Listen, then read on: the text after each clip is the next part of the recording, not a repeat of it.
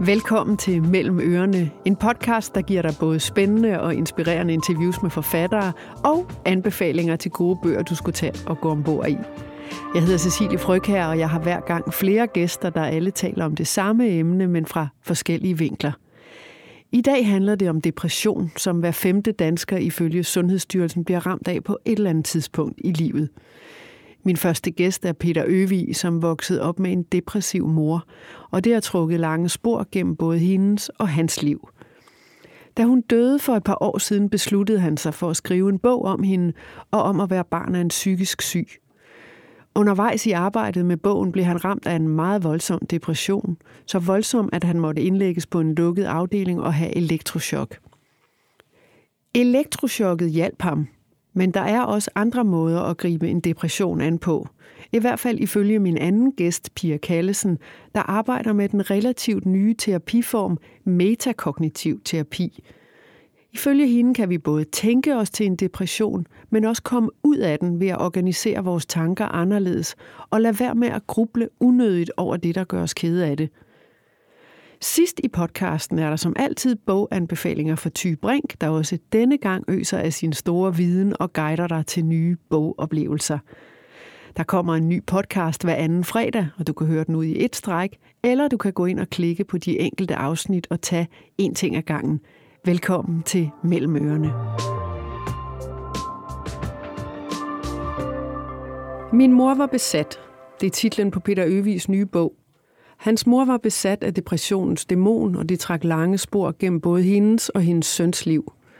Da hun døde for tre år siden, besluttede Peter Øvig at skrive hendes historie og gå dokumentarisk til værks, som han har gjort med sine tidligere bøger, Blikingegadebanden, Hippie og Besæt.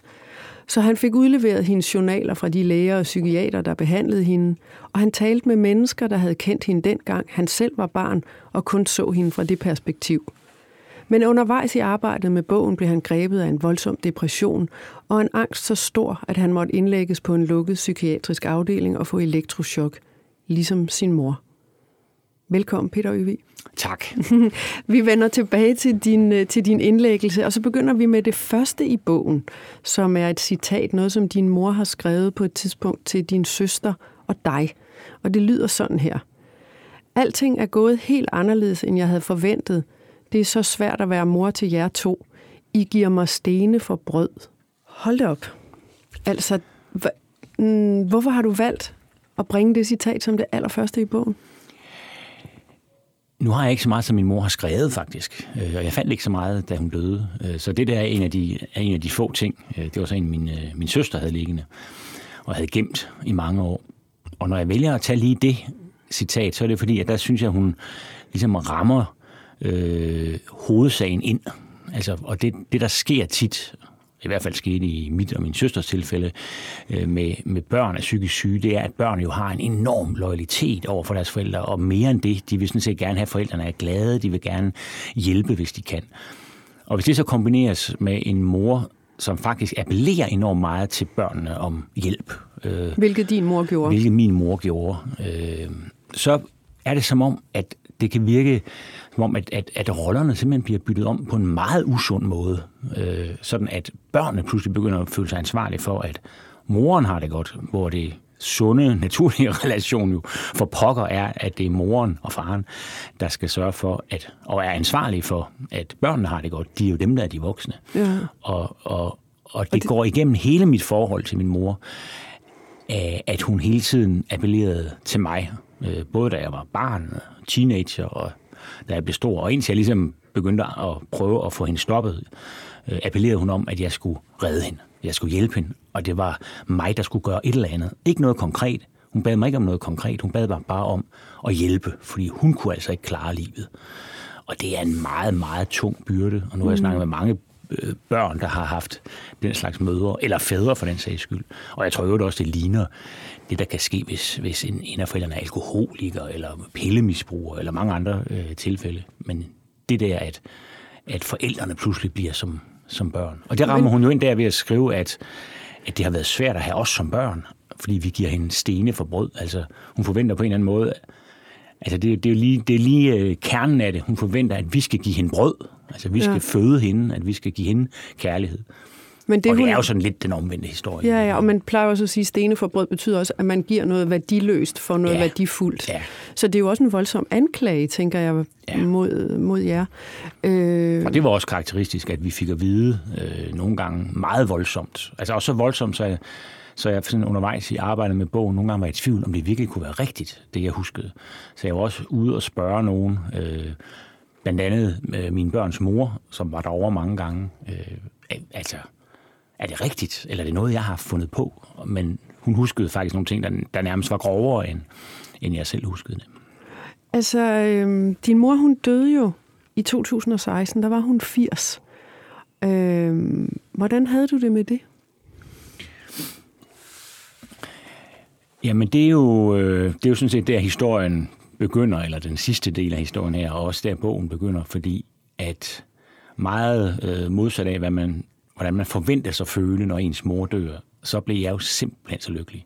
Og jeg blev ikke bare glad, jeg blev altså euforisk. Øh, og jeg, du hopper nærmest rundt i sofaen. Og jeg, da, vi om, da vi om aftenen kom ind på et hotel, mig og min kæreste Janne, så, øh, og min søn, øh, så, øh, så må Janne lige sørge for, at min søn kommer ind på, vi har heldigvis to værelser, fordi at jeg opfører mig sådan øh, på en måde, der kan være lidt svært at forklare for et barn. Altså jeg hopper og danser og synger, og, og jeg synger sådan en sang, jeg selv har komponeret, som bare har teksten, øh, Monsteret er død.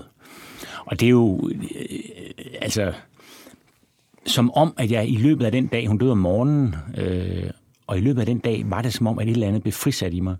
Og det første, der blev frisat, det var bare overhovedet det at kunne tale om, hvordan min mor havde været. Og jeg talte jo blandt andet med min kæreste, og jeg talte med min bedste ven, som jeg har kendt siden vi var 11 år.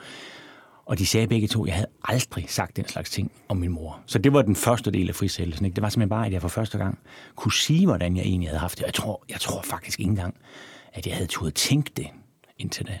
Men hvordan havde du da haft det? Hvad var det, du pludselig kunne sige?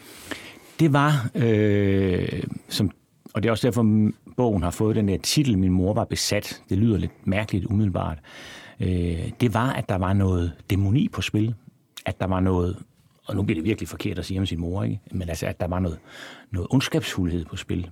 Øh, at når jeg husker den måde, hun opførte sig over for mig og min søster på, og nogle gange øh, anklagede os for ikke at have reddet hende, eller ikke at have gjort, hvad hun synes var det rigtige, mange år tilbage i tiden, eller i nutiden, øh, så var det som om, det nogle gange overskred en eller anden grænse. Og, og helt tilbage fra jeg var barn, kan jeg også huske, og det beskriver min søster også, at, at det var som om hendes øjne nogle gange skiftede karakter.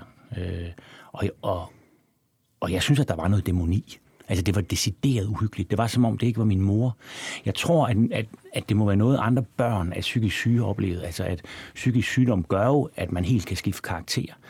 Øh, og det kan være meget uhyggeligt for et, børn, for et barn at opleve. Og specielt synes jeg, at, at her var simpelthen... Øh, altså, der var noget, der var, der var ondt. Eller nederdrægtigt, som min børns mor siger. Øh, altså, det var hendes ord for, hvordan min mor nogle gange opførte sig over for mig og min søster. Som, altså som fuldvoksne. Altså her taler vi om, at hun er hjemme og, og spiser middag hos, min, hos mig og mine forældre. Ikke? Og derfor kunne den der dæmon, som du kalder det, også stikke ansigtet frem. Altså udover, at der skete noget med hendes øjne, som blev onde.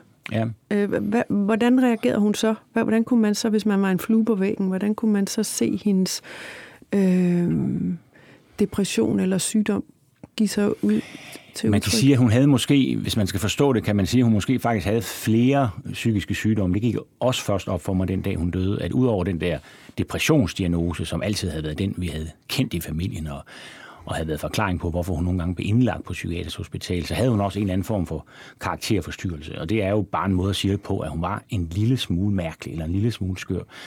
Og det gav sig udslag i sådan en, øh, en form for selvoptagethed, som også er i familie med depressionen. Man bliver meget selvoptaget, når man er deprimeret.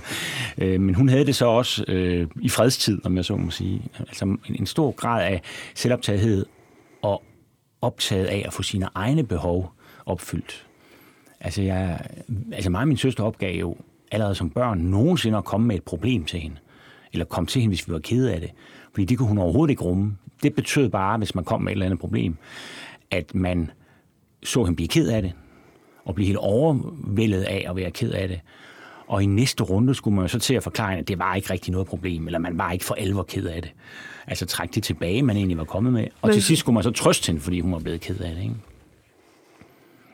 Ja, hvad skete der så til de der middage, eller øh, der skete så, at hun fandt ting frem, som kunne være helt tilbage til, at jeg havde spillet for høj musik på mit værelse, da jeg var teenager, eller var kommet for sent hjem fra nogle piger øh, om aftenen.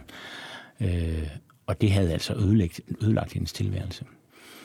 Og det tror jeg faktisk er svært for folk, der ikke har prøvet det selv at forstå. Øh, men, men når man først fortæller det, så oplever jeg, at der er en del mennesker, der selv mm. har prøvet det, og de forstår det selvfølgelig. Og det er ret ekstremt, hvad der kan foregå inde i familien. Altså, hvad, hvad forældre udsætter deres børn for.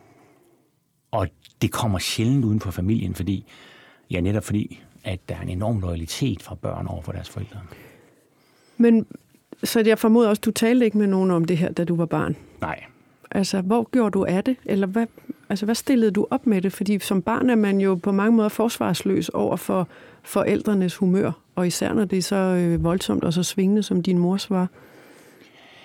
Ja, jeg ved ikke rigtig, hvad jeg gjorde af det. Jeg tror ikke, jeg kunne gøre noget ved det. Altså, jeg, jeg, jeg blev ulykkelig. Øh, jeg var en meget generet dreng. Det er vel også udtryk for, at man ikke rigtig tør altså, at, at man ikke har det så godt. Man tør ikke rigtig gå ud i verden. Øh, det er i hvert fald ikke en, en, det er i hvert fald ikke en personlighed, altså det er ikke en side af min personlighed, fordi det er holdt op for mange år siden.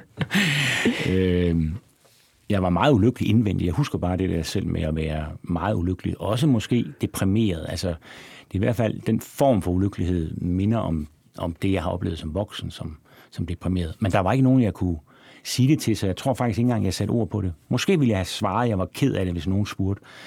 Men der var ikke nogen, der spurgte. Øh, og jeg sagde ikke noget, fordi at jeg regnede med, at de så ville spørge mig, hvad er du ked af? Og hvis ikke man havde slået sig, så var det ligesom om, i hvert fald i min familie, at, at hvad skulle man så være ked af? Så skulle jeg i hvert fald have en anden forklaring, og jeg havde ikke nogen forklaring. Jeg kunne selvfølgelig have sagt, at min mor var ked af det, og derfor var jeg også, det påvirkede mig, og det havde jo nok været det. Men det, det kunne, det, svar. Men det kunne du ikke sige, eller hvad? Det kunne jeg simpelthen ikke sige. Det ville jo gøre min mor ked af det. Altså, det var ligesom ikke en mulighed, der eksisterede at sige noget, der ville gøre hende endnu mere ked af det, end hun var i forvejen. Du overvejer jo først på et tidspunkt, om du kan tale med en lærerinde i din skole. Mm. Men det beslutter du dig også for, at det kan du ikke. Ja, det er vores kristendomskundskabslærerinde, fru Pedersen, øh, skoleinspektørens kone, en ældre, streng dame, sjovt nok, altså nok den strengeste øh, lærer, jeg egentlig havde. Øh, men der var et eller andet Omar ved hende, som jeg tænkte, her var, kunne der måske være hul igennem. Og jeg, og jeg kan huske, at jeg mange gange tænkte, nu bliver jeg siddende i klassen, når det ringer ud, og så går jeg op til hende, og så vil hun faktisk forstå det. Og hun måske endda gå med hjem til far og mor og forklare, at der er noget galt her. Men når det så ringede, så blev jeg måske lige siddende, og så rejste jeg mig og gik ud sammen med de andre. Altså, jeg, jeg, jeg turde alligevel ikke. Altså, det var en del af det var en del af konsekvensen for mig. Jeg var ulykkelig, jeg var generet, og jeg var også handlingslammet. Altså, jeg turde i de små klasser, turde ikke engang at række hånden op og sige, at jeg skulle ned i gården og tisse. Altså, det, må, det måtte jeg lige prikke til hende, der sad ved siden af Charlotte, og sige, om ikke lige hun kunne spørge, om jeg måtte gå ned og tisse. Ja, så er det også svært at sige, hvad der egentlig er på spil, ikke også? Ja, så er, det, så er der et bjerg hen til det der med mm. at sige, at man er ulykkelig, uden at vide, hvorfor man er ulykkelig. Hvor var din far hen i alt det her? Jamen, det har jeg også snakket en del med min søster om, og hun peger jo af og til på, når jeg ligesom især i starten af det her arbejde, der var jeg jo stadigvæk sådan ret øh, vred på min mor. Øh, og hun var lidt mere afbalanceret, og hun havde det med af til at, at lige sige, jamen, nu skal vi ikke glemme, at vores far også havde et ansvar. Øh, og der tror jeg, man skal tænke på, og det havde han også, og det levede han ikke op til. Han skulle selvfølgelig have taget nogle snakke med os om det der med, at mor var syg og deprimeret og indlagt og sådan noget. Det, det, det var meget lidt. Der var en enkelt sætning. Øh, min søster kan huske nemlig, nu skal I huske, at jeres mor er syg. Og det har så været det, han synes, han, så havde han øh, samlet situationen op. Men jeg tror, man skal, man skal huske, at, at der er sket et og det synes jeg jo, nu har jeg sådan nået en alder, hvor jeg synes, at man lige kan kigge tilbage til før hippierne og før 68 og før alt det der kæmpe eksplosion, der skete der, mm. som jeg jo lige sådan kan huske som barn med det yderste af erindringen. At det her er noget, der grundlægges i en generation, der er upåvirket, næsten upåvirket af den der kæmpe gener- øh, det der ungdomsoprør og hippiebølgen, og man skal tale om tingene, og jo især kvindekampen. Det, det fandtes simpelthen ikke. Min mor er, er fra den sidste generation, der har levet liv helt upåvirket af, af kvindekamp. Ikke? Og det vil sige, at hun, selvom hun var den, der havde de bedste karakterer og så videre i forhold til min far, så var det hende, der kom til at gå hjemme og ikke bruge sin uddannelse og passe de her børn. Og det var mens hun gik hjemme med de her blæbørn, øh, at hun startede med at blive deprimeret, og til sidst øh, blev indlagt, da jeg var fem år gammel, og min søster var tre år. Og det vil sige, at, at alt, hvad der sker i den historie, det skal man hele tiden se gennem de briller, at her er altså en kvinde, der lever i den gamle verden. Og, der, øh, og hun kan slet ikke udfolde sit potentiale. Det er der selvfølgelig nogen, der, der har haft styrke til at gøre, og det har jeg jo også Øh, nu har jeg måske lidt mere nuanceret forhold til det, efter at have opdaget, hvor svære vilkår hun egentlig kom fra på mange måder. Men, og der er jo også kvinder i den generation, der faktisk har foldet vingerne ud. Mm. Men der er altså også bare rigtig, rigtig, rigtig mange, der, der ikke gjorde det, fordi som jeg har lært, øh, jamen altså, jo, de skulle have en uddannelse, en handelsuddannelse, en kontoruddannelse, men så snart barn nummer et kom, så var det hjem og passe børn og familie og hus. Ikke? Og det var der rigtig mange af dem, der ligesom ikke kom længere. Så kan det være, at de fik et, deltidsarbejde, men de fik jo ikke, netop ikke øh, vingerne foldet ud og kom mm. op og flyve. Øh, og så kan man bebrejde min mor, og det gør mig og min søster gerne, at hun ikke gjorde et eller andet, da vi var blevet store. At hun ikke tog sig en ny uddannelse, eller fik sig et, mm. noget mere arbejde. Eller vi prøvede, og det, det, det er ikke noget, vi kun har bebrejdet hende siden. Det var sandelig også noget, vi dengang prøvede at mm. få hende til at gøre et eller andet. For man kunne jo ligesom se, at så snart hun kom på arbejde, så havde hun det lidt bedre. Du beslutter, da hun dør, at skrive den her bog om hende eller du ved jo ikke, det bliver den bog faktisk, for der sker jo ting med dig selv undervejs, som, som vi kommer til lidt senere. Men hvorfor ville du overhovedet skrive hendes historie? Hvad ville du med det? Altså, bogen blev jo født i eufori og lettelse over, at hun var død. Øh, og, og sådan tror jeg, man skal se starten af projektet, altså at, at jeg opdagede der nogle få timer efter, at hun var død, og også hjulpet af en meget øh, klog sygeplejerske, som kendte min mor, som satte sig ned og talte med mig. Det er sikkert noget, de gør på det plejehjem eller på alle plejehjem. Men hende her var virkelig god, øh, Tilde. Og hun fik ligesom åbnet op for, at jeg godt kunne sige noget om min mor. Og oven i det snakkede hun også lidt om min mors svære sider. Og hun var en besværlig plejehjemsbeboer. Altså, hun var så besværlig. Altså, Tilde sagde lidt. Altså, det var sådan noget med, hvis nogle andre bliver madet til frokosten, så vil din mor også mades øh, selvom hun udmærket kan spise selv. Og hvis hun så ikke bliver madet, så begynder hun at hyle. Og hvis hun bliver ved med at hyle, og hun ikke kan få hende til at tige stille, så må vi bukse hende ind på værelset, og så hyler hun videre dagen et stykke tid.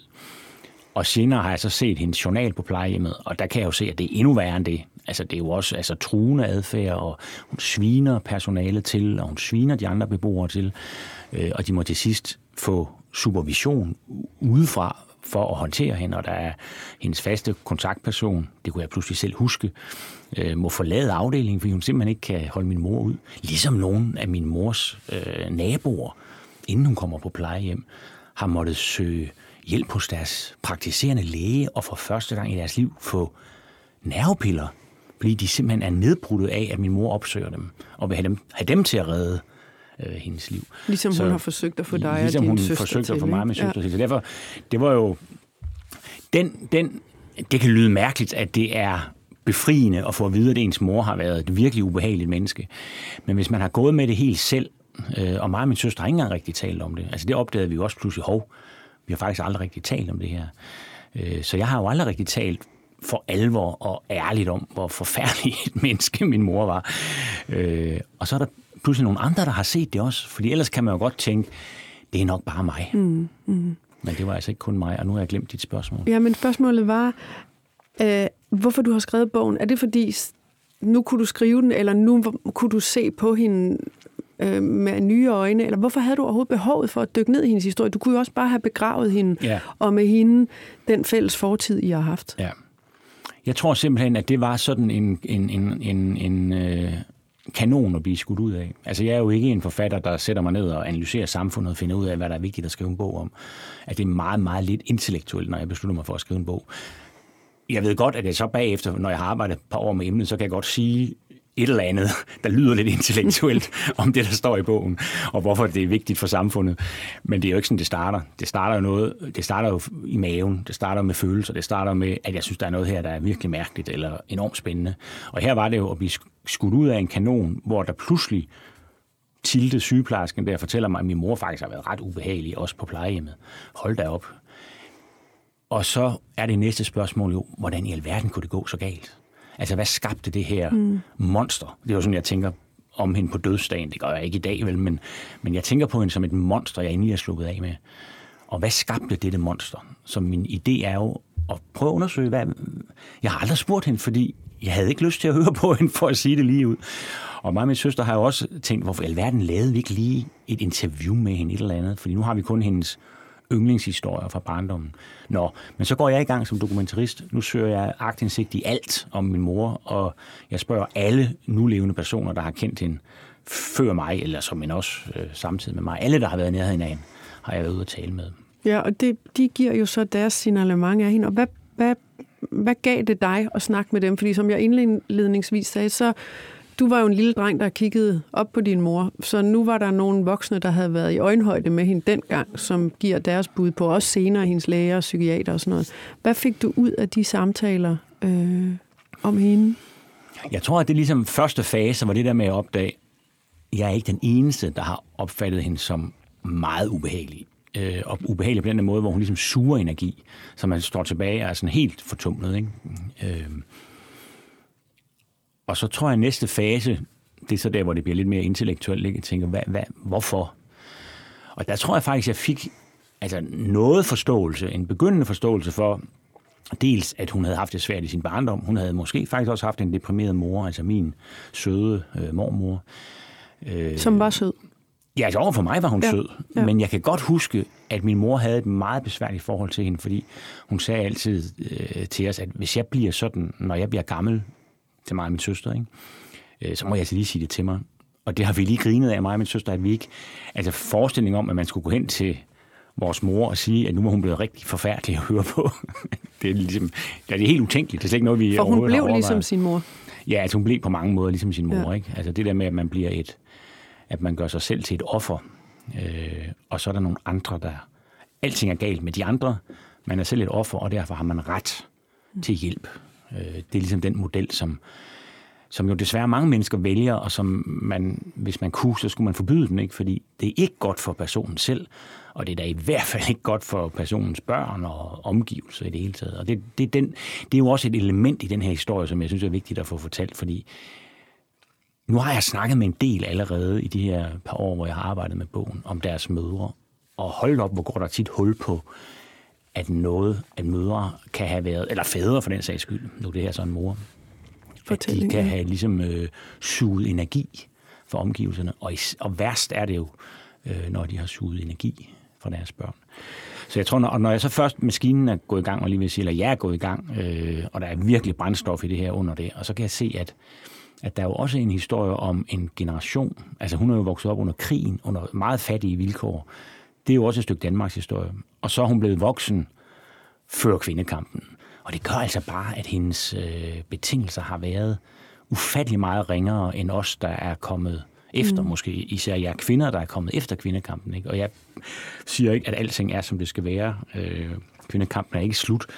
Men hold da op, der er mange spring, muligheder. der har ja. været fra 60'erne til i dag. Altså det, en gang imellem skal man jo også lige være en lille smule taknemmelig for, øh, hvor kæmpe et spring der er. Mm. Og det har i hvert fald givet mig noget mere forståelse for, at min mor ikke har haft svære betingelser. Og hvis vi kigger på, hvilket aftryk, altså bortset fra, at du synes jo, at, at hun har været rigtig svær at være tæt på, både da du var barn, men faktisk helt frem til, til hun døde for tre år siden. Hvilket aftryk øh, har hun sat i din sjælelige tilstand? Altså nu nævnte du lige før, du var ked af det, men har du hvad skal man sige, arvet hendes øh, depressive sind? Hvor meget har du selv været ind og ud af den tilstand? Indtil ja, altså, jeg, det er jo især det, nu skal jeg lige huske at sige, det gode, jeg, jeg synes, jeg også har fået ud af at vokse op med sådan en mor bagefter, men, men, men i første omgang lægger jeg jo mærke til, at jeg har været ulykkelig som dreng, og jeg har ligesom kæmpet mig ud af, og jeg skriver i bogen om, hvordan jeg så kæmpede mig ud af den her generethed og så videre, simpelthen ved at lege journalist. Øh, og det er jeg så også blevet for alvor øh, sidenhen. Så det har, det har jo reddet mig ud af at, at blive måske selv og lande som, som, øh, som offer. Og så har jeg arvet hendes depressioner. Og så kan man diskutere, og det synes jeg er interessant, men det behøver vi ikke at diskutere, så kan man diskutere, er det så genetisk? Altså er det simpelthen noget af min arvemasse? Og det synes psykiaterne jo helt åbenlyst. Man behøver ikke at sige andet end, at min mor var, var, var, havde depression, og så har de stillet en forklaring og en diagnose ja. og det hele. Ikke? Jeg har jo i mange år ment, at det havde noget at gøre med, at jeg faktisk havde, havde altså haft omsorgssvigt, kan man kalde det i min barndom. Jeg ikke havde fået kærlighed, at, at min mor havde lavet den her forbytning af, af den voksne og barnet. Og det tror jeg også stadigvæk spiller en rolle. Øh, så de to ting har så gjort, at jeg har depressioner indtil jeg skrev den her bog, havde jeg haft det, jeg i dag. Det tror jeg ikke, jeg ville have, hvis du havde spurgt mig for fem år siden, ville jeg ikke have sagt det sådan. Så, så har jeg haft det, man kan kalde milde, måske milde til middelsfære, men ikke meget mere end milde depressioner. Jeg har kunnet arbejde, jeg har kunnet tage med mine børn, jeg har aldrig været indlagt. Øh, det er først i de senere år, jeg har forsøgt lidt med noget lykkepiller, øh, uden rigtig at vide, om det har virket på mig. Øh, så det har jeg fået med fra min mor. Og, og så... den positive side er jo, at jeg synes, at, at dels er der nogle fejl, jeg ikke begår over for mine børn, øh, men jeg synes i det hele taget, at, at jeg har lært af hende, at hvis man har det svært, Øh, og hvis man er psykisk syg, så er det dummeste, man kan gøre, det er at gøre sig selv til offer. Øh, så jeg har i hele mit liv været... Jeg har selvfølgelig også været overfølsom over for folk, der gør sig selv til offer. Og det har selvfølgelig... Nogle gange har jeg sikkert været lidt øh, tof mod mennesker, som, øh, som, som mindede mig om min mor, bevidst eller ubevidst. Det har sikkert ikke altid været særlig kærligt. Øh, men det er så også noget, jeg selv har prøvet at leve efter. Altså prøve at tænke, det er mit ansvar, det her liv. Der er ingen andre, der er ansvarlig for, hvordan, øh, hvordan mit liv bliver. Og hvis jeg får problemer, så kan man selvfølgelig søge hjælp, men, men, men det skal ikke være på den der klynkende offerfasong, som jeg Man kan ikke ringe op og bare, som din mor har gjort til både dig og alle mulige andre, sige, hjælp mig, hjælp mig, hjælp mig helt. Nej, øh... nej. Nej. Men til gengæld vil øh, jeg da skynde mig at sige, at her, da jeg så blev virkelig alvorligt syg, øh, så var der jo masser af mennesker, der kom for at hjælpe. Øh. Men lad os lige snakke om det. Ja. Fordi det er jo så, du går i gang med bogen, og du skriver jo, at dine, dine milde depressioner plejer aldrig at opstå, mens du skriver dine bøger. Nej. Der plejer du faktisk at være i sådan en frizone. Men nu rammer du, eller bliver du ramt med 180 i timen. Hvad, hvad er det, der sker? Altså, med dig? Altså, jeg vil godt svare på noget af det der, ikke? men jeg tror faktisk lige først, jeg vil sige, at, at jeg ved det jo ikke. Men kan du bare beskrive Ja, altså, ja, altså det, det er jo derfor, jeg faktisk begynder at bruge sådan nogle begreber som dæmoni. At de, de startede allerede da min, den dag, min mor døde.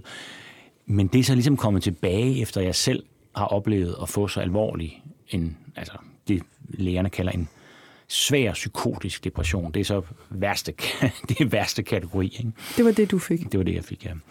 Og det kom langsomt igennem nogle måneder, men, øh, men der er et element af noget uforklarligt. Altså, jeg er blevet lidt, fordi der var mange, der ville, gerne ville hjælpe mig. Der er også mange, der behandler og sådan noget, som synes, at det kunne de lige ordne med det her teknik, eller pille, eller metode.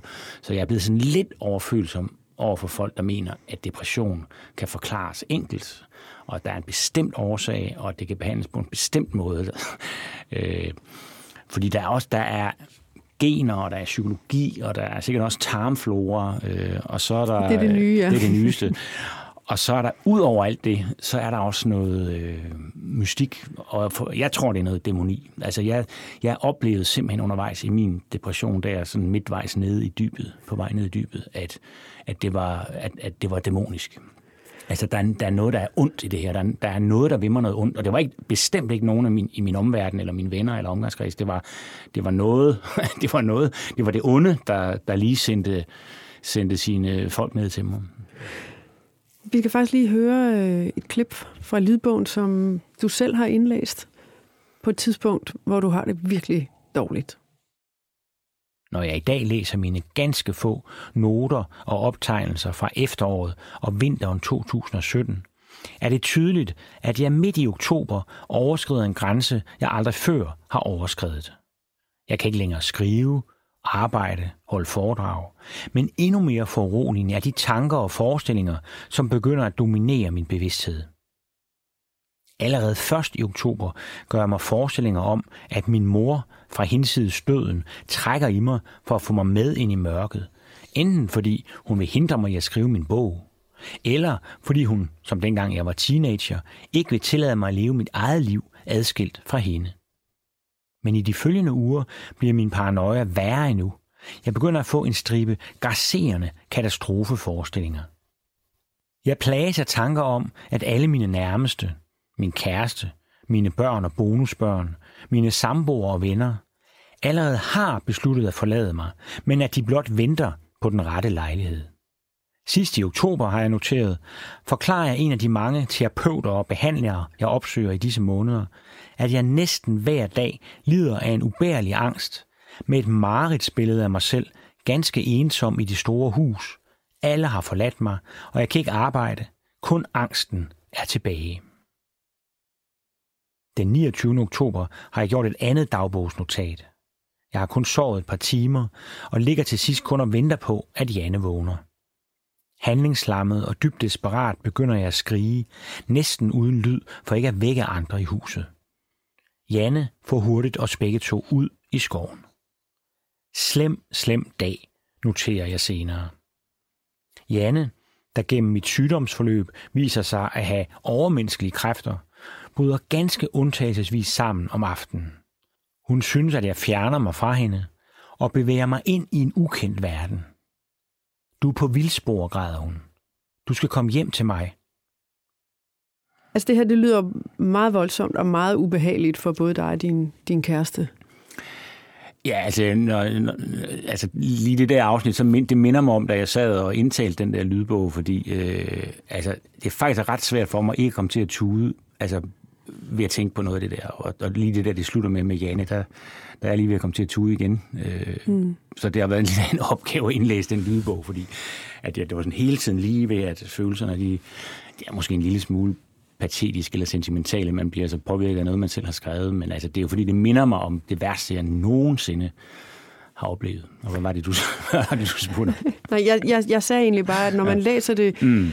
får man også øh, et indblik i, øh, hvor voldsomt øh, du havde det, og hvor, hvor skidt det var. Og, men der sker jo det, at du jo også får en ny forståelse for din mor. Altså en ting er, at du så hende i en samfundsmæssig sammenhæng, og det var før kvindekampen, og hun foldede aldrig sit talent ud på trods af sit gode hoved og sin gode karakter og sådan noget.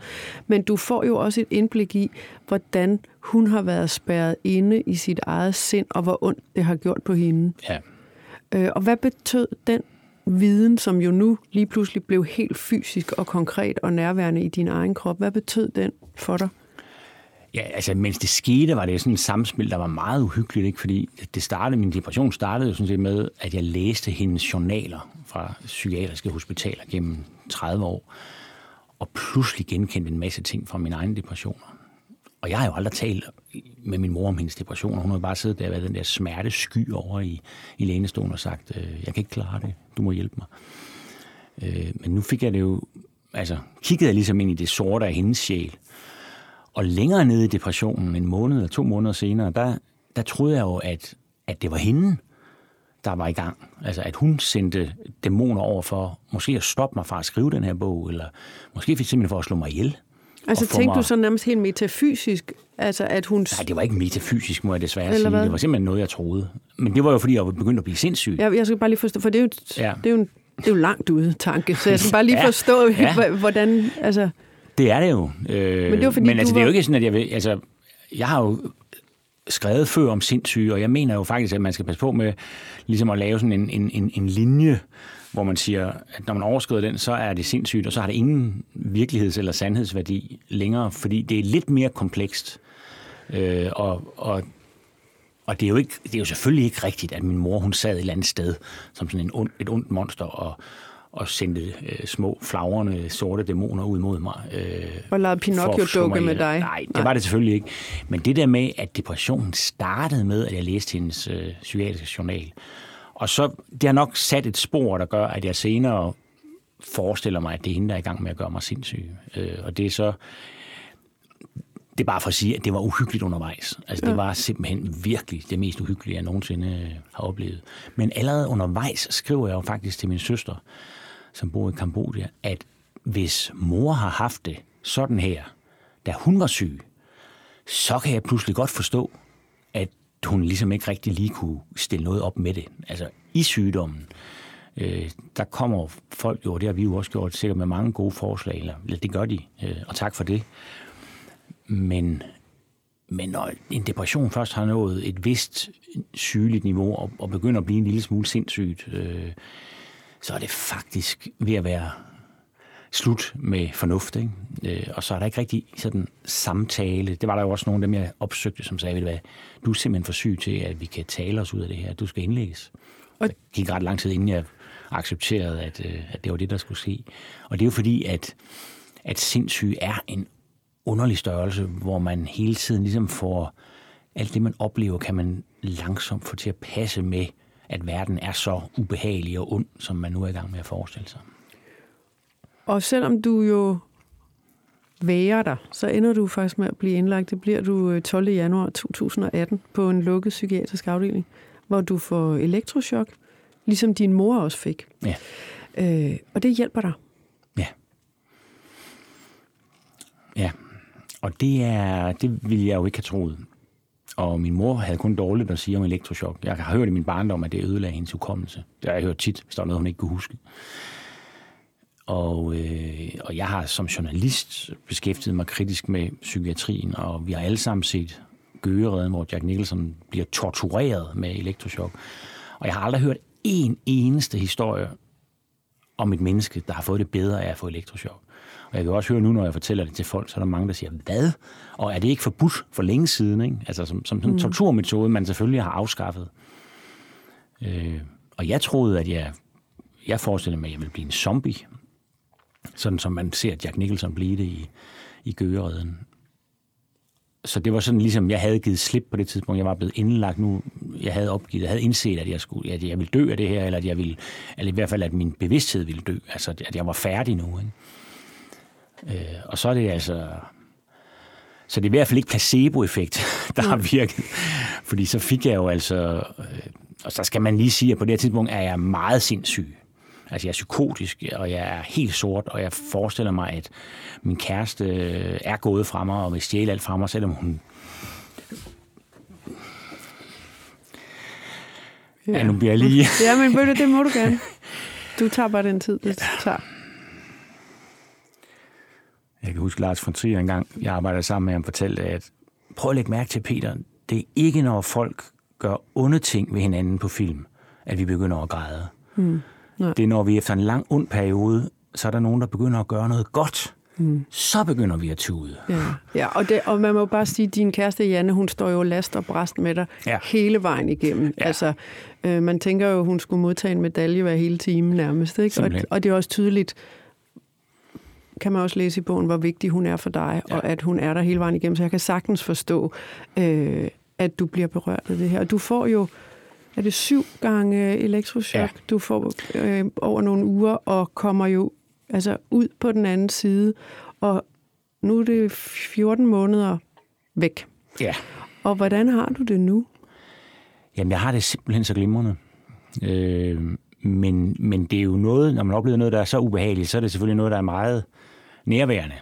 Og jeg kan faktisk godt huske det. At der er meget, jeg ikke kan huske, men, men der er bestemt øh, elementer af det, af det værste, der jeg, jeg udmærket godt kan huske. Og så det der mirakel, der kommer i, øh, i slutningen af januar sidste år, er det jo, øh, 2018, hvor jeg kan se i min journal, at allerede efter to elektrochok, og dem får jeg med, med en dags mellemrum, altså der er kun en dag imellem, allerede efter to elektrochok, så bevæger jeg mig altså med raketfart op fra det der sorte, psykotiske dyb, jeg har været nede i, og siger til personalet, at jeg glæder mig sådan til at komme hjem og lave en kop kaffe. Mm. Og Janne siger, du sagde skat til mig for første gang i en måned, eller to mm. måneder. Øh, så to gange strøm igennem hjernen, så bevæger man sig op og begynder at blive en lille smule sig selv. Ikke? Og efter tre chok, der sagde, spurgte Janne overlægen, om ikke at det var nok, så siger hun, hvis det skal være, have meget virkning, så skal han have en 7-8 stykker. Mm. Og så fik jeg syv, og efter det syvende gik jeg over i Fælledparken, og verden var, det var på Rigshospitalet, ikke? Så, mm. og verden, der var en kæmpe himmelmælming, og, og jeg var mig selv igen. Jeg stod simpelthen der og kiggede ned af mig selv. Det var første gang, jeg var ude af den lukkede afdeling overhovedet, ikke? i tre uger. Kigger på mig selv og tænker, ja, det er jo simpelthen mig. Så det vil sige, den der forbandelse, som jeg har oplevet det som, eller besættelse, som psykiateren vil sige, det er en svær psykotisk depression. øhm, den var simpelthen væk.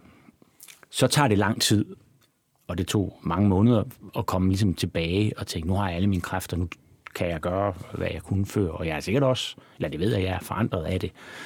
Øh, Hvordan? Altså, jamen, så, nu er det selvfølgelig svært at vide, hvad, nu kunne jeg ikke have fortalt den her historie til dig for, for tre år siden, eller før jeg var, øh, før jeg var alvorligt øh, sindssyg. Men jeg er sådan en, der græder en gang hver femte år. Og det er så blevet til altså hver femte time. ja, du er blevet mere følsom. Simpelthen, hold da op. Det ved jeg jo ikke, om det er elektrochokken. Det tror jeg sådan set ikke, det er. Eller hvad ved jeg? Øh, det, det kan også bare være at have været nede i dybet ja. og have overlevet det. Altså, jeg tror også, jeg har da også en stor taknemmelighed for livet. Øh, det tror jeg, alle folk har, der har været meget syge, enten det nu er psykisk eller fysisk. Men, øh, men jeg har så været øh, psykisk syg, og det gør måske, at det især er psykisk, at jeg kan mærke forskellene. Mm. Har du fået, altså hvad skal man sige, fred med din mor? Altså ved, nu har du, du har skrevet bogen, du har forholdt dig til hende i, i hendes samtid, du har forholdt dig øh, til hende, de følelser, hun måske har, fordi du har gennemlevet dem selv. Tænker du, at det var det har været det værd, og at du står et nyt og bedre og mere konstruktivt sted i forhold til din, til din historie med din mor? Nej, Nej. altså, nej det, til, Nå? det har været det hele værd. Nej, det har det ikke været. Og det, altså det kunne jeg måske svare ja til, hvis jeg levede som en, en, en, en planet helt alene øh, i universet. Ikke? Øh, så tror jeg godt, jeg kunne tænke, okay, nu er det jo sket, så lad mig lige se på alle de positive ting, jeg har fået ud af det. Og det synes jeg faktisk, der er en del... Øh, åbninger eller følsomhed og sådan noget, som, som jeg er glad for at have fået ind i mit liv. Men jeg har jo set, hvad det har gjort ved mine... Nej, nu bliver jeg fan med øh, berørt igen. Det må altså, jeg har... Altså, det værste er selvfølgelig at se sine børn, ikke? Mm. Øh, og jeg tror sgu ikke, de har fået noget ud af det. tror jeg ikke. Altså, så det vil sige, at hvis jeg, hvis jeg sagde, at det var det hele værd, så skulle det i hvert fald ikke inkludere min kæreste og mine børn og mine venner og sådan noget, fordi de har simpelthen haft det hårdt. Ja. Og, og det er nok, at nu ved jeg jo godt, hvad det vil sige selv at være øh, barn af en psykisk syg mor, øh, så, så, så jeg kan godt sætte mig ind i det. Men, men faktisk tror jeg, det er svært at forstå, hvad det betyder, at en far går ned på den måde, og ligesom bliver en, altså jeg, jeg blev jo også en helt anden, end mine børn mm. øh, kendte i forvejen. Men jeg... Og den omkostning er Altså, den, den, den er ikke noget værd, eller den... Nej, den kan man ikke overhovedet... Man kan ikke stille nej, det spørgsmål, nej, faktisk. det kan man faktisk altså, ikke. Ikke, ikke, ikke, hvis man tager, ikke hvis jeg tager min nærmeste med i den øh, afvejning. Nej. Men det er jo sådan, det er i virkeligheden, både med, med fysisk, men jo måske især med psykisk sygdom, som jo faktisk findes i stort set alle familier, ja. at det har jo... Det berører alle. Ja. Øh, men hvis vi så kun kigger på den akse, der er med det komplicerede forhold, du har haft til din mor, øh, har bogen der lukket nogle vigtige døre for dig? Ja, både åbnet og lukket, ikke? fordi at, øh, altså, det virker som om, og nu har det jo, nu er det jo altså, over et år siden, at, at, øh, at jeg blev rask. Øh, og det virker som om, at meget af de negative følelser over for min mor, altså vreden og sådan, altså lige over mod øh, hævntrang og fryd ved at tale dårligt om hende, som kom der efter hendes død, eller som, der, som blev sluppet løs. Øh, det, det er væk. Der var en dag, efter jeg var blevet udskrevet fra Rigshospitalet, hvor der var en, der spurgte mig, hvad, hvad så med din mor? Og så er det ligesom, hov, Nå, det er nok bare lige i dag. Jeg kan, ingen, jeg kan slet ikke mærke alle de der øh, øh, vrede følelser overfor hende. Og de er ikke kommet tilbage endnu. Det er ikke sådan en... Der er ikke sådan øh, Hollywood-violiner ind over mit forhold til min mor i dag, eller den slutter heller ikke bogen med Hollywood-violiner, men, den, men, men jeg forstår hende meget bedre, og jeg forstår, at mens man er psykisk syg, når man er deprimeret, så kan man faktisk ikke rigtig stille nogen krav til mennesker. Så er der nogle andre, der skal... Der er faktisk nogle andre, der skal hjælpe. Det skal ikke være ens børn, nej, hvis jeg skynder mig at sige. Men der er nogen, der skal hjælpe. Og om ikke andre, så, om ikke andre, så, øh, så noget hospitalspersonale ikke? og nogle ja. psykiatere. Og så er der også jo som sagt en kreds af virkelig gode venner omkring dig, og din meget gode ven har skrevet efterskriftet også ja. og fortalt, hvordan perspektivet har set ud øh, fra hans side. Så der er jo ingen tvivl om, at det har... Altså man er jo på en eller anden måde nødt til at sige, hvor gerne man, man end vil have nogle Hollywood-violiner at slutte på, men man må jo bare sige, det, livet har omkostninger, og ja. livet er smadret svært. Ja. Men, men lige nu er du et godt sted. Ja, det synes jeg. Øh, altså, jeg synes, at, at, at jeg lige er blevet en lille smule mere vibrerende øh, på en god måde for mig. Fordi jeg, jeg tror godt, jeg har kunnet være sådan en lille smule kontant. Det er jeg nok også stadigvæk. Øh, og, og jeg har jo reddet igennem nogle... Øh, altså jeg har reddet igennem nogle depressioner i mit privatliv, og jeg har også reddet igennem nogle øh, voldsomme debatter som øh, forfatter. Øh, og selvfølgelig har det indimellem været hårdt, men, ikke, men, men, men jeg har været sådan på en besynderlig måde rimelig... Jeg kan, egentlig, jeg kan faktisk ikke rigtig forstå det nu, hvordan den der generede dreng, han egentlig kom hen til at kunne stå der og bokse med både det ene og det andet. Øhm, og, og der synes jeg da egentlig, at det er meget rart lige at ikke komme tilbage til den ulykkelige generede dreng, men kom hen et sted, hvor der er ligesom kommet noget, noget følsomhed og øh, sensitivitet, og, og også, som, som min svigermor sagde til mig forleden dag, du er da simpelthen blevet bedre til at lytte, Peter. det ved jeg ikke, men, men det vil da være udmærket, øh, hvis det er sandt. Du har i hvert fald, må jeg sige, skrevet endnu en fremragende bog på toppen af de andre øh, fremragende bøger, du har skrevet. Det har været en, øh, jeg vil ikke sige, at det har været en fornøjelse at læse den, men det har været en, en meget berigende oplevelse faktisk, og en bog, som selv når man lukker den og øh, skal læse videre dagen efter eller samme aften, så den er, er blevet hos mig undervejs, øh, både under og efter. Og det vil jeg gerne sige dig tak for. Selv tak. Og pas nu på dig selv. Ja. Og have det godt. Ja, men det må du også. Jamen, det skal jeg nok, det lover jeg. Og tak for denne gang. Tak for denne gang.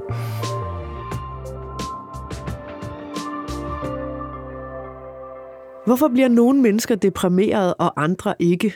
Kan vi selv fremprovokere en depression ved at dvæle for meget ved vores tunge tanker? Og kan vi overvinde og endda helt undgå nedtrykthed og depression? Det får du svar på nu, hvor jeg har besøg af Pia Kallesen, der er doktor, Ph.D. og specialist i psykoterapi. I sin bog Lev mere, tænk mindre, gør hun op med meget af den traditionelle psykologi og giver sit bud på, hvordan vi kan leve et liv med færre tunge og depressive tanker. Velkommen til dig, Pia Kallesen. Tak. Kan du også lynhurtigt kurere en forkølelse? Ja, hvis jeg bare kunne. den, tager lidt, den tager den tid, den tager. Det er nemlig det, den gør. Jeg beklager. Jeg vil gerne begynde med den første sætning i din bog. Den lyder sådan her. Kender du udtrykket at blive ramt af depression? Så våger jeg at provokere dig med en påstand. Vi bliver ikke ramt af en depression. Den kommer ikke udefra. Vi fremprovokerer den selv det er jo rimelig provokerende. Altså, hvad mener du med det? Mm. Ja, det er jo faktisk en god nyhed, fordi så er man ikke bare et offer øh, for depressioner, at man selv har en ret markant indflydelse på det. Så på den måde er det jo en god nyhed, at det er noget, vi, vi kan styre selv. Øhm, men, men betyder det faktisk, at at jeg kan tænke mig til en depression? Ja, hvis du øh, virkelig strænger dig an og grubler over øh, forskellige problemer i dit liv, øh, rigtig meget, også om natten og om dagen og rigtig mange timer, så vil du, blive, så vil du vedligeholde nedtrykthed, håbløshed og få symptomer nok. Øh, jeg mener, det er to uger, man skal have de her mange øh, depressive symptomer for at opfylde diagnosen. Okay. Altså, du arbejder jo med en relativt ny form for terapi her i Danmark, metakognitiv terapi, og jeg mm. tænker, vi skal simpelthen lige høre et øh, klip fra lydbogen, som er det er oplæst af Camilla Kvistgaard Dysel, og her kommer så den, det metakognitive syn på vores sind. På samme måde som vores krop ofte kan hele sig selv, kan vores psyke det også. Gennem tusinder af år har menneskets krop udviklet evnen til at hele sår og knogler efter rifter og brud. Vi lærer alle tidligt i barndommen, at det blødende knæ efter et styrt på cyklen ikke fortsætter med at bløde resten af livet. Det kureres på forunderlig vis, uden at vi selv gør alverden for det, og det går forholdsvis hurtigt. Men hvis vi piller, krasser og knupper i såret, læges det ikke. Tværtimod risikerer vi at gøre det hele værre ved at skabe infektion og arvæv. Det samme sker i vores psyke, viser Wells og Matthews forskning. I tiden efter en ubehagelig eller en ulykkelig oplevelse, som for eksempel en skilsmisse, en ulykke eller en fyring, vil tankerne naturligt kredse om denne oplevelse. Oplevelsen vil dukke op i vores bevidsthed i form af tanker og billeder igen og igen, mange gange dagligt.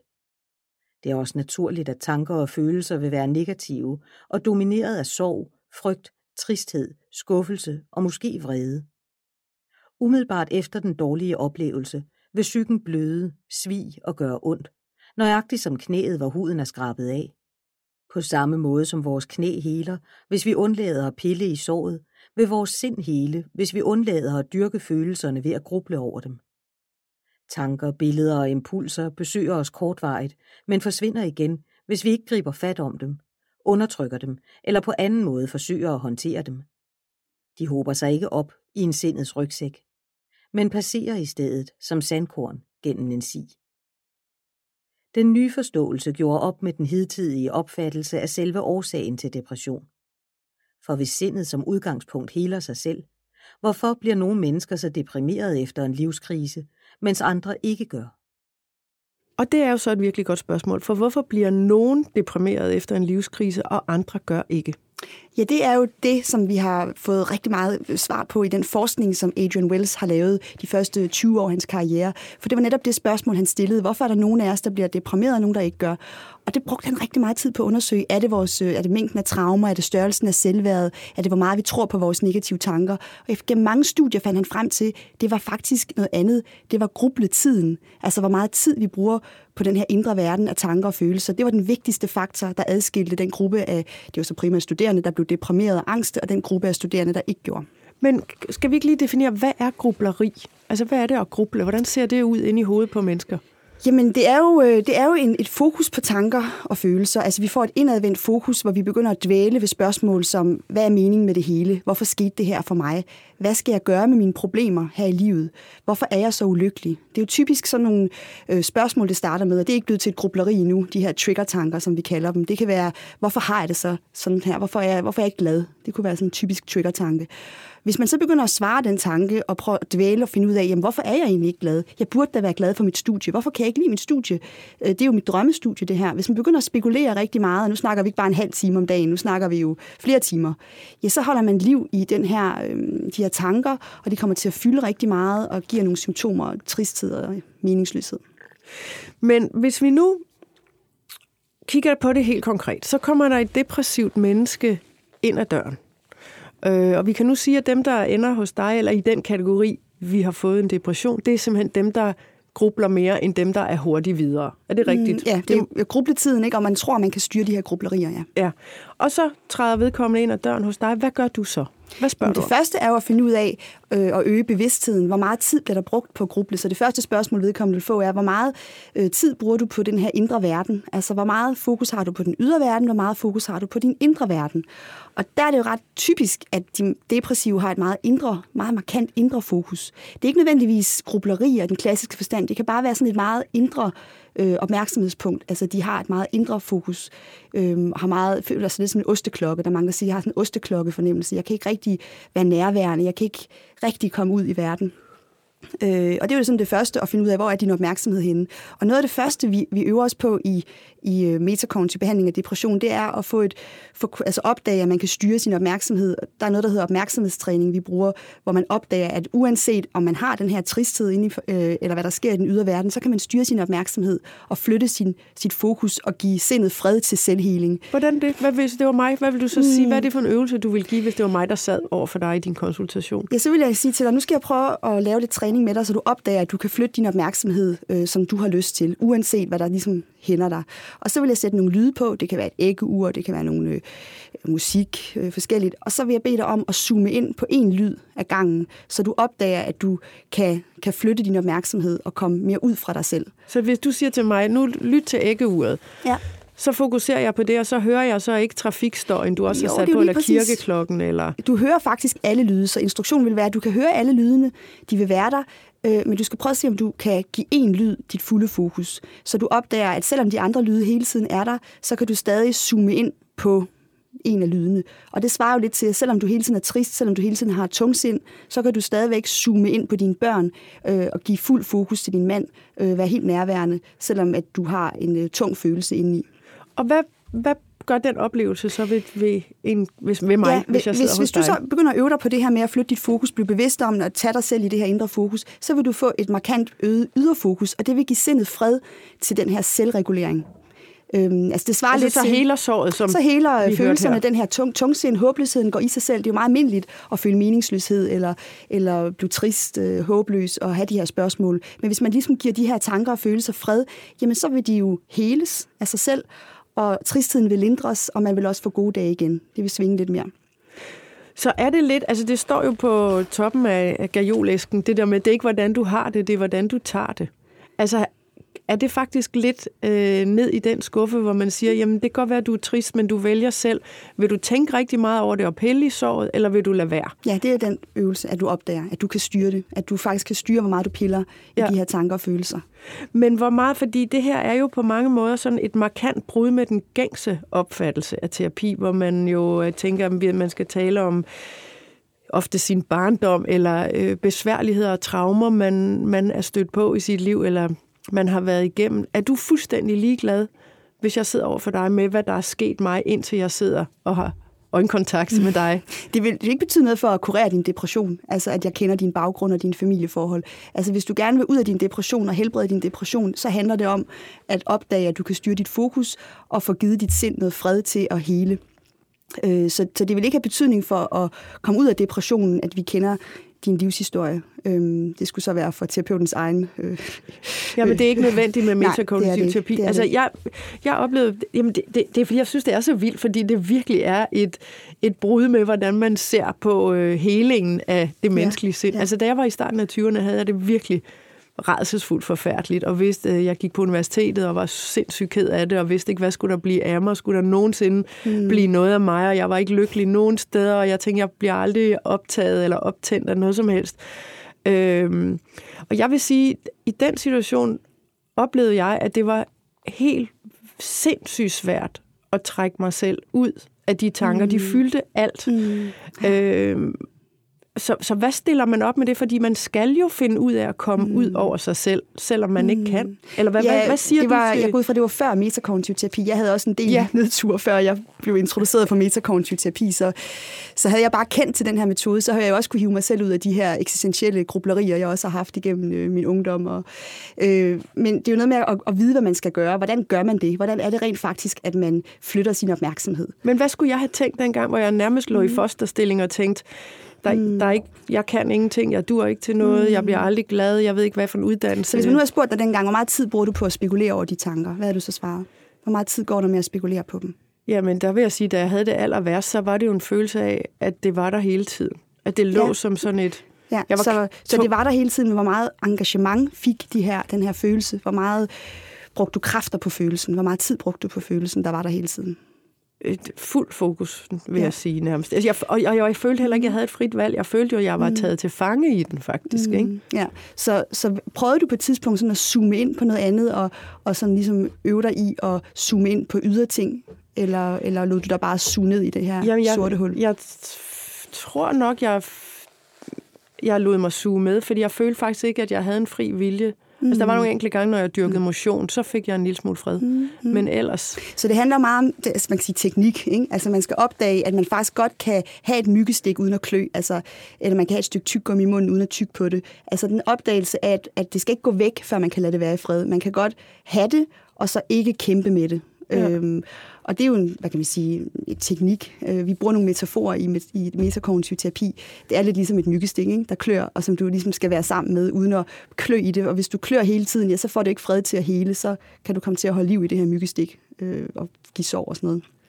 Men det er vel også fordi, det, det, det, den tanke havde jeg, og den stødte jeg også på i din bog, at nogle mennesker jo tror, at hvis jeg tænker det her færdigt, så går det væk. Altså, at man mm. kan tænke sig ud af sin ulykkelighed. Ja.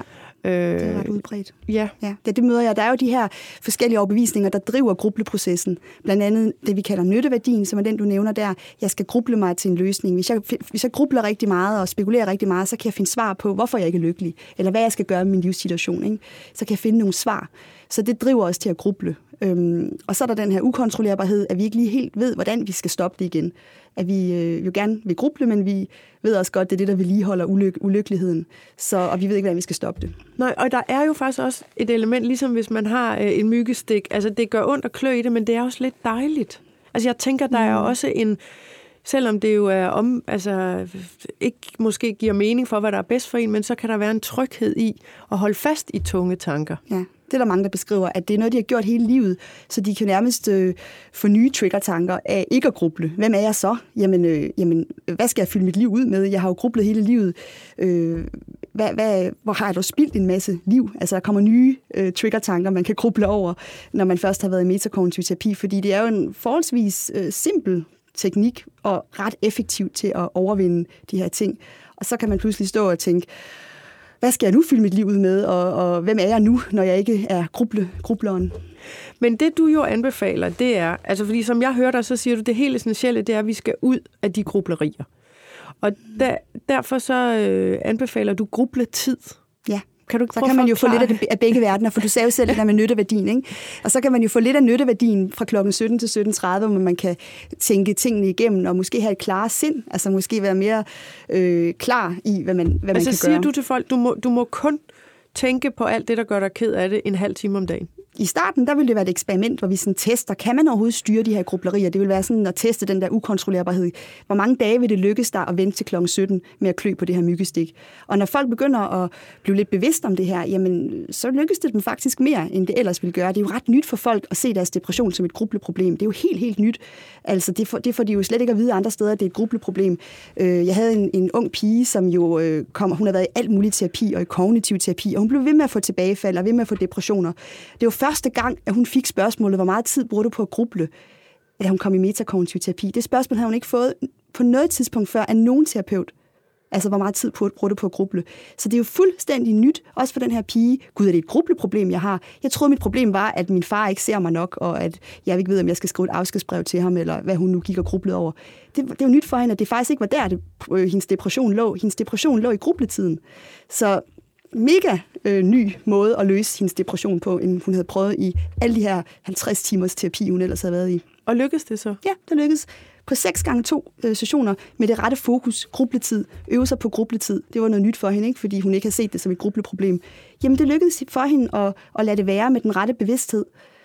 Og det, øh, ja, øh, ja, 9 ud af 10 dage lykkedes det, og så blev det mere og mere. Og til sidst så troede hun 100% på, jamen jeg kan sådan set vælge, og det tror hun også i dag, når jeg bliver ramt af et spørgsmål, et problem, så kan jeg vente til min grubletid, ringe til min mor, hvem jeg nu har vil skal vente med. Men jeg tænker jo også, at, at øh, det handler om at give grubleriet en konstruktiv retning. Altså sådan, mm. så man reagerer, og den unge pige, du havde i terapi, så beslutter sig for, skal jeg, altså man skal vel også handle Altså, skal hun så skrive det brev til sin far, eller skal hun ikke? Altså, ja.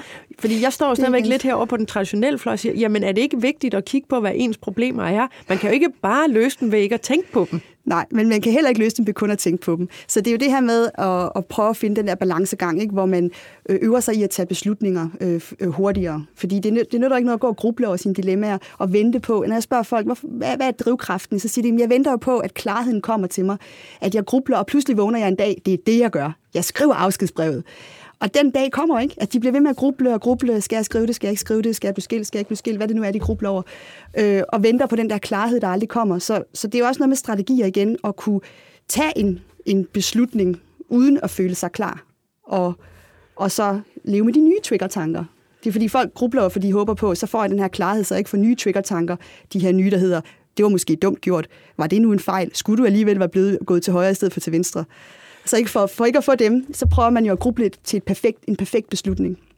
Og det her med så at sige, okay, så du indfører grubletid til folk, og så får de måske en halv time. Må man godt starte måske med en time? ja, det må man gerne. Og man må også godt starte med at øve sig i bare at være sammen med sine tanker uden at gruble. Altså det her med at øve sig i at, at have et myggestik, eller hvad kan man sige, kigge på det uden at svare det. Ja. Det kan man også starte med at øve sig på. Men jeg tænker, det kommer til at kræve meget træning. Altså igen med tanke på, hvor skidt jeg havde det der i starten af 20'erne, hvor jeg mm. tænker, altså det var ikke gjort på en uge. Med, Nej, det var, det var min... før metakognitiv terapi. Ja, ja, men jeg tænker, hvordan træ... Altså, man skal jo blive ved med at øve sig og øve sig og øve sig, fordi det ja. er jo en helt ny måde at se ja. sig selv og ja, sin det det. depression på. Hvor lang tid det det. går der cirka, inden man har lært det? Eller, altså... øh, jamen nu har vi jo haft ret mange, i min klinik har vi haft rigtig mange igennem, og forskningsmæssigt er der også lavet nogle studier, øh, hvor det tyder på, at på 10 sessioner, der kan du faktisk få 80% ud af deres depression, så de ikke opfylder kriteriet mere alle får altså det de bedre. Der, man skal, det der schema, ja, der, du skal krydse af. Ja, og så der er nogle man... kriterier for, hvordan opfylder man en depression. Og lad os sige, at vi har 100 deprimerede, jamen så vil 80 af dem faktisk være diagnosefri efter 10 sessioner. Alle vil have fået en bedring, men det er ikke alle, der ligesom bliver helt diagnosefri. Det er en meget skånsom metode, så du får ikke en forværing. Altså risikoen for forværing er meget mindre end i klassisk terapi, hvor du dykker ned og, og dvæler ved smerterne. Okay. Men hvad vil du sige, altså, hvad skal man indstille sig på, før man sådan kan begynde at køre på den metakognitive trehjulet cykel, som jeg tænker, at man starter med støttehjul. Ikke? Altså, går der et seks måneder, inden man mestrer det? Eller, altså, det er de her 10 uger. Altså, typisk så vil det være et forløb, hvor man, hvor man mødes en gang om ugen. Vi har også i grupper. Rigtig smarte grupper er jo, at, at man kan hjælpe hinanden. Der er jo nogen i gruppen, der hurtigere mestrer de her gruppeprocesser end andre. Så det er derfor, du siger 10 sessioner? Som så 10 sessioner, så kan de splittes ud, så det er to gange 6, eller så er det 12 i alt. Men, men det gode ved en gruppe er jo, at du netop støtter hinanden, og dem, der sådan har mest, altså mestret metoden rigtig godt, kan jo give nogle fif til dem, der synes, det er lidt svært. Og det har man ikke den samme mulighed for i individuel terapi. Nej, nej. Men det her med, altså, at man tænker, at det hjælper mig at tale med min nærmeste om noget, der optager mig. At det hører det ind under grublerier og at føde, hvad skal man sige, det, der er svært for en at give det opmærksomhed, så det fylder mere? Eller må man stadigvæk gerne tale med nogen, men man, du ved, hvor, hvor skal ja. man lægge snittet der? Jamen, det er jo altid godt at tale. Det vigtigste er egentlig, at man føler kontrollen. Altså, det, er, det er ikke så vigtigt med den tid. Altså, det vigtigste er egentlig, at man føler, at det er en selv, der bestemmer det. Så man kan sige, forskellen på øh, filosofen, der går ned med depression, og filosofen, der ikke går ned med depression, det er egentlig den metakognitive overbevisning, og man føler, at man kan styre sine grublerier. Så en filosof, der lever af at filosofere, kan sagtens gruble 10 timer, uden at blive deprimeret, fordi han føler en kontrol og kan stoppe igen. Så det er mere det, der er det vigtige, end om du grubler en halv time eller 10 timer. Det er mere, at du føler, at du styrer showet. Det er dig, der er DJ. Altså, ja, det er ja. dig, der er gruppe-DJ. ja. øh, mere end at det er en halv time. Så forskellen, altså vi tager et filosof eksempel, forskellen på den filosof, der går ned med depression, og den filosof, der ikke gør, de filosoferer jo begge to 10 timer, for de lever af det, ikke? Det er jo kontroloverbevisningen. Ja, men jeg tænker bare, om man kan, Altså ligesom man, man taler om folk, der er misbrugere, de har medmisbrugere, deres ægtefælle eller deres mm. nærmeste familie. Mm. Kan man også få altså, ja, det kan man med, medgrubler, ja, som egentlig fastholder en i en depression? Ja, og specielt hvis man ikke rigtig lærer, at man selv kan styre det. Hvis, det, hvis de vedligeholder den der ukontrollerbarhedsoverbevisning, at man kun tror, at man kan styre sine grublerier, hvis man, hvis man deler dem med nogen. At man ligesom giver kontrollen til sin nærmeste. At man kun kan styre sin tænkning og sine tankeprocesser, hvis man, øh, hvis man samgrubler med nogen, så kan jeg styre det, men jeg kan ikke gøre det på egen hånd. Ja, så vedligeholder det jo den her tro på, at man ikke selv kan styre sine grublerier. Ja, men det betyder også igen, så bliver det sagt højt, det fylder rummet, mm. der bliver fokus ja, på det. Dvæler vi det. Og det, man giver meget energi, får man mere mm, af. Det, er det. det vil også, øh... ja. Så det kan give en midlertidig lindring, man får lige tømt hovedet, får en lidt ro, men, men på den lange bane, så er det en tidskrævende og, og sådan en ret øh, drænende strategi, som vi lige holder det triste. Ja. Øh, altså, du skriver jo øh, i din bog, at den her terapiform, den kan både forebygge og helbrede nedtrykthed og, og depression. Men samtidig så skriver du også, at hvis man har en alvorlig depression, så skal man gå til læge. Så hvor skal man ligge i spektret for at når man skal afgøre, mm. skal jeg hen til lægen, fordi det her det er altså en alvorlig depression, mm. eller jeg skal hen til Pia Kallesen, fordi det er, det er inden for hendes ja. område. Altså det, den gode nyhed er, at der er faktisk studier, der viser, at tunge, tunge, tunge kroniske depressioner kan med ren opmærksomhedstræning lindres. Altså, vi snakker folk, hvor man nærmest ikke er kontaktbar. Der kan man med ren opmærksomhedstræning... Altså, altså det igen det med lydene? Ja, med at få yder, altså tvinge det ydre fokus. Ikke? Kom ud af osterklokken, kom ud af osterklokken. Hvis man træner det to-tre gange om dagen, med de her mennesker, så bliver deres depressive tilstand markant forbedret. Det vil sige, at du kan hive dem op til en tilstand, hvor du kan lave terapi med dem. Øh, samtaleterapi. Så, så, så umiddelbart vil det kræve en terapeut, så jeg vil jo anbefale, at man går til en metakognitiv trænet terapeut, der har sådan to år i uddannelse, så man kan få den her intensive, måske to gange om ugen, en halv time opmærksomhedstræning. Det er fordi, når man læser om nogen, der er virkelig voldsomt ramt, altså af depression, hvor de er helt forsvundet i mørket og har det simpelthen mm. så skidt, mm. så er det jo bare, igen kan man sige, støder an mod ens øh, traditionelle tænkning af, hvordan man skal hjælpe den slags mennesker, at nu kan man bare, forstå mig ret, men begynde at styre sine tanker og prøve at rette fokus ud i stedet for ind, og så kunne det hjælpe. Altså, mm, møder du tit folk, der ligesom mig står sådan lidt og siger, ej, kan, kan det ja, virkelig passe? meget. Det, det er jo helt, helt nyt og helt anderledes. Så det, er jo, det skaber jo utrolig meget øh, ja, skepsis og, og nysgerrighed og undren, ikke? Altså, kan det virkelig være så simpelt? Altså, jeg har møder jo mange, som har været deprimeret i årvis, og som får de her 10 sessioner, og som så ikke er deprimeret mere, og som bare siger, ej, havde jeg bare vidst det her for 20 år siden, jeg kunne have skånet mig selv for piller og nedture, og jeg ved ikke alt hvad. Så, men der var ingen, der vidste. Altså, det er jo en ny metode, der først ligesom kom rigtig frem i 2009, og, og, og ret ny i hele verden. Ja, og jeg er faktisk kun 21 ja. øh, øh, der arbejder med, med den her terapiform i Danmark. I ja. Jeg har uddannelse i det. Mm. Altså, øh, og hvad er der, altså hvis man kigger på, mit spørgsmål er selvfølgelig, hvordan kan man vide, at det virker. Fordi hvis du kigger på de sidste 50 år bare, så har der jo været den ene psykologiske retning efter den anden, og i 60'erne troede man, at man skulle behandle folk med LSD. Det fandt man så ud af, det var øh, ikke smadret godt for alle. Eller, altså, du ved, mm. ligesom slankekur, så er det noget med æg, og noget med mm. kål, og noget med alt muligt. Mm. Hvordan kan man vide, altså, at det, det her ikke er endnu det, en... Det, der er lidt nyt ved metakognitiv terapi, man har startet lidt på den modsatte vej, end man normalt gør med psykologiske metoder. Normalt, når der kommer nye psykologiske metoder, så laver man en opskrift, man laver en eller anden cocktail, og så tester man effekten. Og så kigger man okay, hvor mange procent bliver ligesom helbredt i den her cocktail. Men det, man har, det Adrian Wells har gjort i metakognitiv terapi, er startet omvendt. Han har brugt 20 år på grundforskning. Hvad er, altså stille spørgsmålet, hvad er de faktorer, som bedst kan forklare forskellen på dem, der udvikler diagnoser og dem, der ikke gør? Og først efter de mange for, kedelige forskningsforsøg, først i, efter 20 år i 2009 laver han manualerne laver han øh, cocktailen, kan man sige. Og det er først derfra, vi laver effektforskning. Det vil sige, at vi har en meget mere præcis cocktail, end vi nogensinde har haft før, hvor vi bare har, har fundet på øh, metoder og testet effekten. Nu har vi faktisk lavet så meget grundarbejde, at den er så præcis, at vi får de her 80% helbredelse, hvilket er helt unikt for en psykologisk metode at nå så højt op i helbredelsesraten.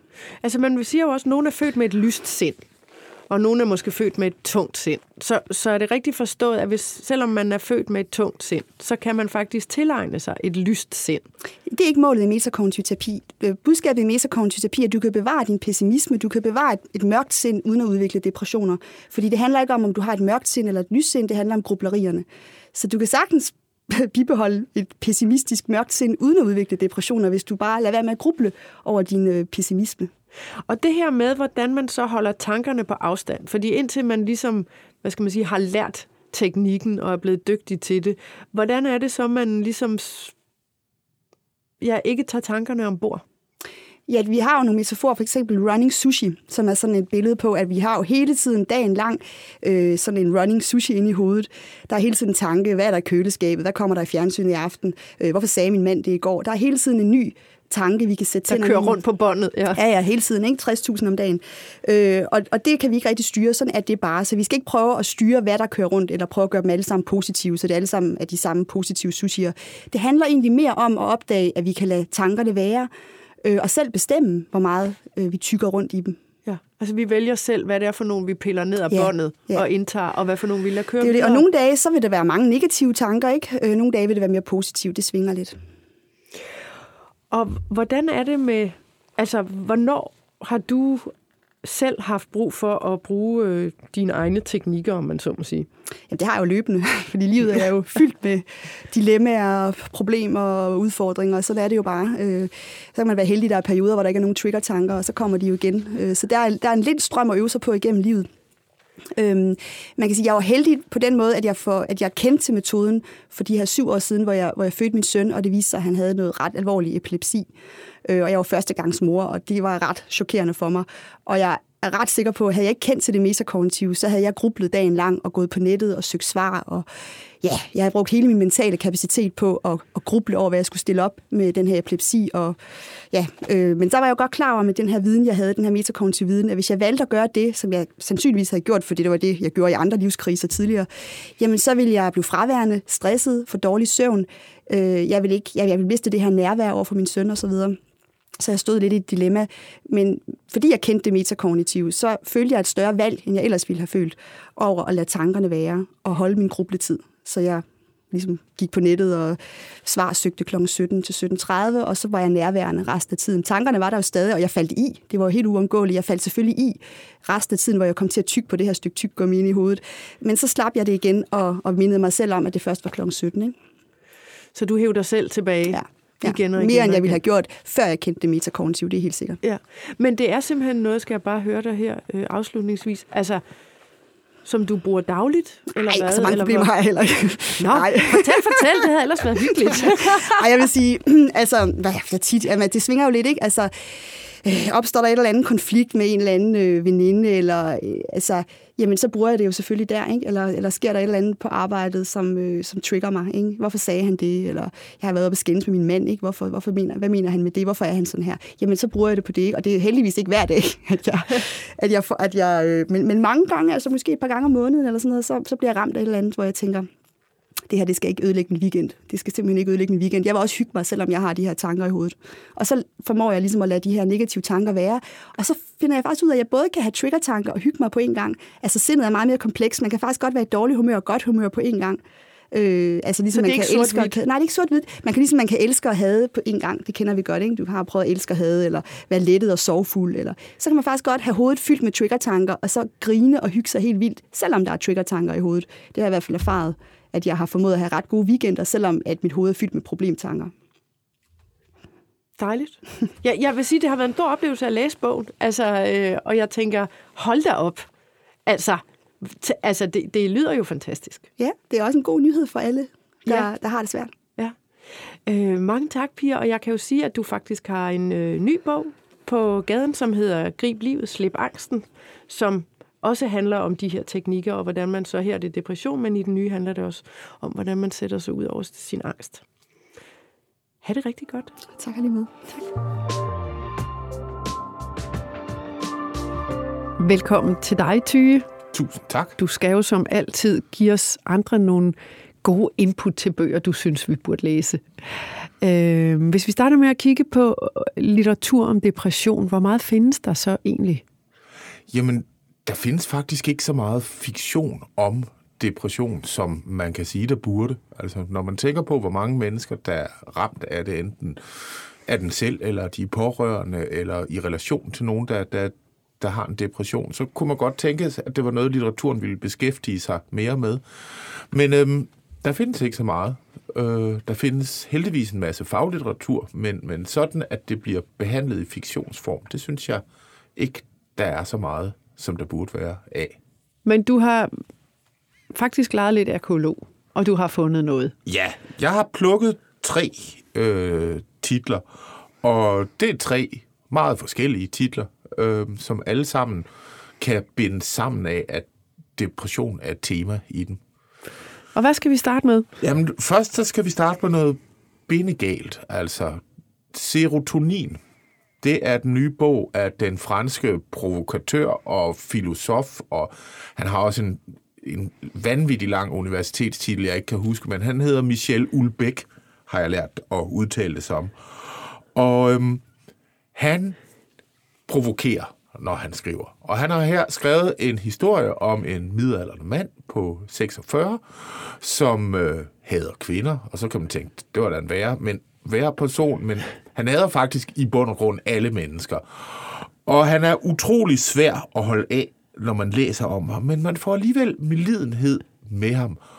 Og som altid, når det er Ulbæk, så er det øh, samfundssatire, det er meget øh, øh, øh, intelligent, og det er meget humoristisk, og det er samtidig lige til at gå til. Altså, det er en, en fortælling, du kan læse, mm, men man føler sig trådt over tæerne rigtig mange gange undervejs. Og det, det synes jeg er, er fint, øh, at forfattere, der kan det. Og titlen serotonin, som jo er det stof, øh, man jo, altså modvirker depression. Ja, det det. Hvorfor hedder den det? Jamen, det hedder den, fordi hovedpersonen bliver mere og mere deprimeret undervejs i, i, øh, i bogen, og det eneste, der sådan set holder ham oppe, er jævnlige doser af et anti, antidepressivt middel, der i det her tilfælde hedder øh, Capturix, men som jo også indeholder serotonin. Så det er jo ja, et, et, et spil på, at han er nødt til at tilføje lykke udefra for at kunne fungere som menneske, ham her. Og så er det om det franske landbrug, og om globaliseringen, og om de gule veste, og der er ikke nogen, der er stor nok til, at Ulbæk han ikke kan fornærme dem. Og det gør han så. Og det lyder mundret. Jamen, det er det på sin vis. Og frygtelig provokerende. Nå, så man skal åbne sit sind på mange niveauer i virkeligheden, hvis man... Ja, man skal i hvert fald ikke være nærtagende, fordi dine fjender bliver også trampet over tæerne. Han, han skældner ikke, han fornærmer alle.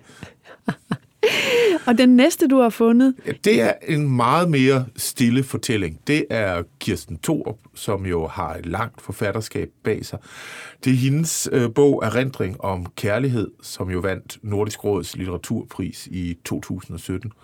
Og det er i bund og grund en mor-datter-fortælling, altså en meget flagrende og naiv og søgende kvinde, der hedder Tara, og hendes datter, som hedder Siri, og Tara får en øh, ubehandlet fødselsdepression, da hun føder Siri, og Siri vokser op og bliver mere og mere gal på sin mor over, hvordan hun blev øh, behandlet i sin barndom, som selvfølgelig var præget af, at moderen havde en depression.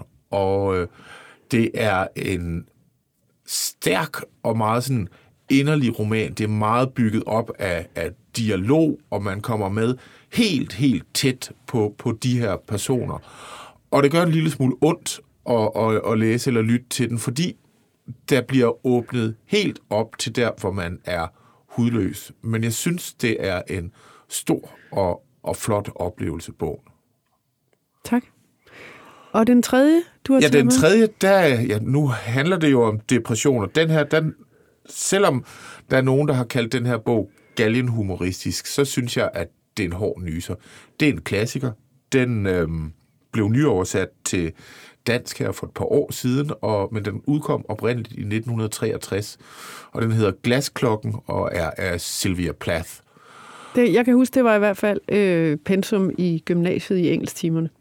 Ja, og det er en, en barsk fortælling om en, en ung pige, der vinder et ophold i New York, og som så ender med at ja, altså blive knækket øh, på alle mulige måder af verden, og ende med at, at, og flytte hjem. Og, og man kan kalde den sådan en, en blanding af, af Salingers forbandede ungdom, og så gøgereden af Ken Kesse. Altså, det er en udviklingsroman, men det er ikke en udviklingsroman, hvor det går i en særlig god retning Nej, for den er personen. meget tung, faktisk. Den er meget tung. Eller, hun er meget ulykkelig, hovedpersonen. Det er hun, og, og forfatteren selv begik jo også selvmord en måned efter, at øh, bogen udkom, og den har stærke selvbiografiske træk, selvom det er en fiktionsroman. Og når du så anbefaler den alligevel, fordi det lyder jo lige lidt tungt, når vi nu sidder her og snakker om den. Altså, hvad, øh, Jamen, den, den, hvad udmærker den? Jamen det, det udmærker den, at hun tør gå, gå så tæt på depressionen, forfatteren. Og så udmærker den det også, at den giver det her billede af en kvindes mulighed i 1950'ernes USA. Øh, så det, og, og det er jo en bog, der har mere end 50 år på banen, men jeg synes stadigvæk, at den kan sige noget til os i dag, og den er skrevet i et sprog, hvor man kan være med, og så er den fremragende oversat til dansk. Det var så vidt litteratur, der beskæftiger sig med, øh, med dagens tema, nemlig depression. Og så skal vi jo som altid have nogle anbefalinger fra dig i helt anden genre. Ja, Og hvad er det, du mere har med i kufferten, tyve? Jamen, i dag vil jeg faktisk gerne slå et slag for magisk realisme. Jeg synes, det er en fantastisk genre, men den har virkelig navnet imod sig, fordi der er rigtig mange, der stejler lige så snart de hører magisk. De skal ikke have noget med drager og elver og, og svær og, Nisser. og hvad ved, nisser. Nej, øh, øh, og det er ikke det, magisk realisme er. Hvad er det så? Magisk realisme er, altså det er realisme, der skal stå med de store bogstaver. Det er social realisme, men man bruger så træk fra magien, når man har lyst til at sætte nogle ting på spidsen, eller at man har lyst til at overraske læseren, eller dreje øh, fortællingerne i en helt ny retning. Det var noget, der opstod i 70'erne og 80'erne i øh, Sydamerika, men det har sådan bredt sig rundt i hele verden. Og øh, jeg synes, at det er ofte den slags bøger, hvor man ikke helt ved, hvad man skal stole på undervejs. Men når man så er færdig, så samler det sig til en sær, men rigtig, rigtig god læseoplevelse. Ja, fordi jeg tænker, hvad bidrager magisk realisme? Men jeg tænker bare, kan man ikke godt, godt blive en lille smule forvirret? Jo, man kan helt sikkert blive en lille smule forvirret. Det er måske også lidt meningen, men det, det bidrager med, det er jo netop, at du ved at introducere, at du kan knække virkeligheden, du kan slå virkeligheden i stykker, så kan du også sætte dine pointer, eller dine scener, eller din plot helt på spidsen, og så kan du samtidig holde læseren eller lytteren helt ude på kanten af sædet, fordi man ved jo, at alt kan ske. Der er ikke nogen regler. Så fortæl os, hvad der sker i de tre bøger der, du har taget med, som, øh, som du betegner magisk realisme, og hvor den magiske realisme ligesom befinder sig. Ja, altså, øh, den første, jeg har taget med, det er Morten Ramslands hundehoved. Og det er, det er en bastard, som man kan kalde en magisk, realistisk slægtsroman. Og jeg synes faktisk ikke, at den magiske realisme tager overhånd overhovedet i bogen. Men man kan ikke sige sig fri for, at der er rent faktisk et hundehoved, der taler til dem undervejs. Og det kan jo ikke lade sig gøre.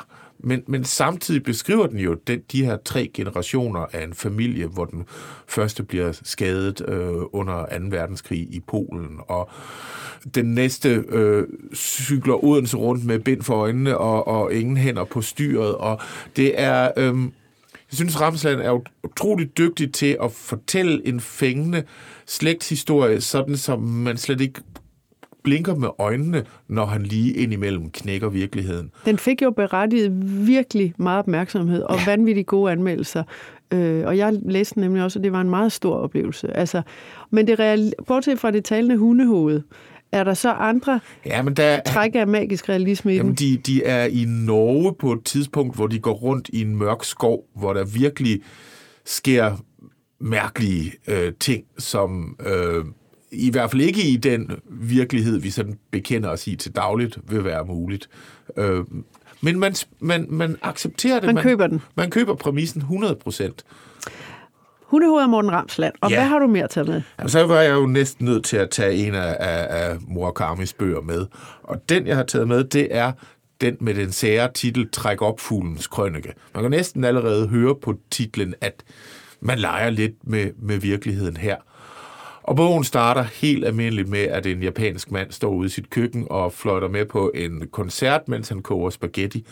Og så bliver det bare mærkeligt derfra. Og der er ingen trolde og nisser og så videre. Men så kravler han ned i et hul for at finde sig selv, og pludselig bliver han ført til Mongoliet og begynder at høre nogle historier om en gammel mand, øh, der fortæller dem, og så en dame med katteøjne, der er blevet væk, og det hele giver fantastisk god mening, når man, når man læser det. Det gør det, og det er en af de der historier, hvor man bagefter siger, det var godt nok mærkeligt det her, men det er også godt.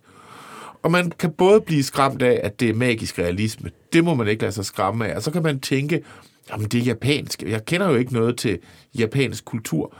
Måske er det sådan i Japan, tænker man så. Det, det, men, men det, der er ved det, er, at alle dagligdagsbeskrivelserne kunne lige så godt være foregået i princippet i København, eller i Næstved, eller alle mulige andre steder.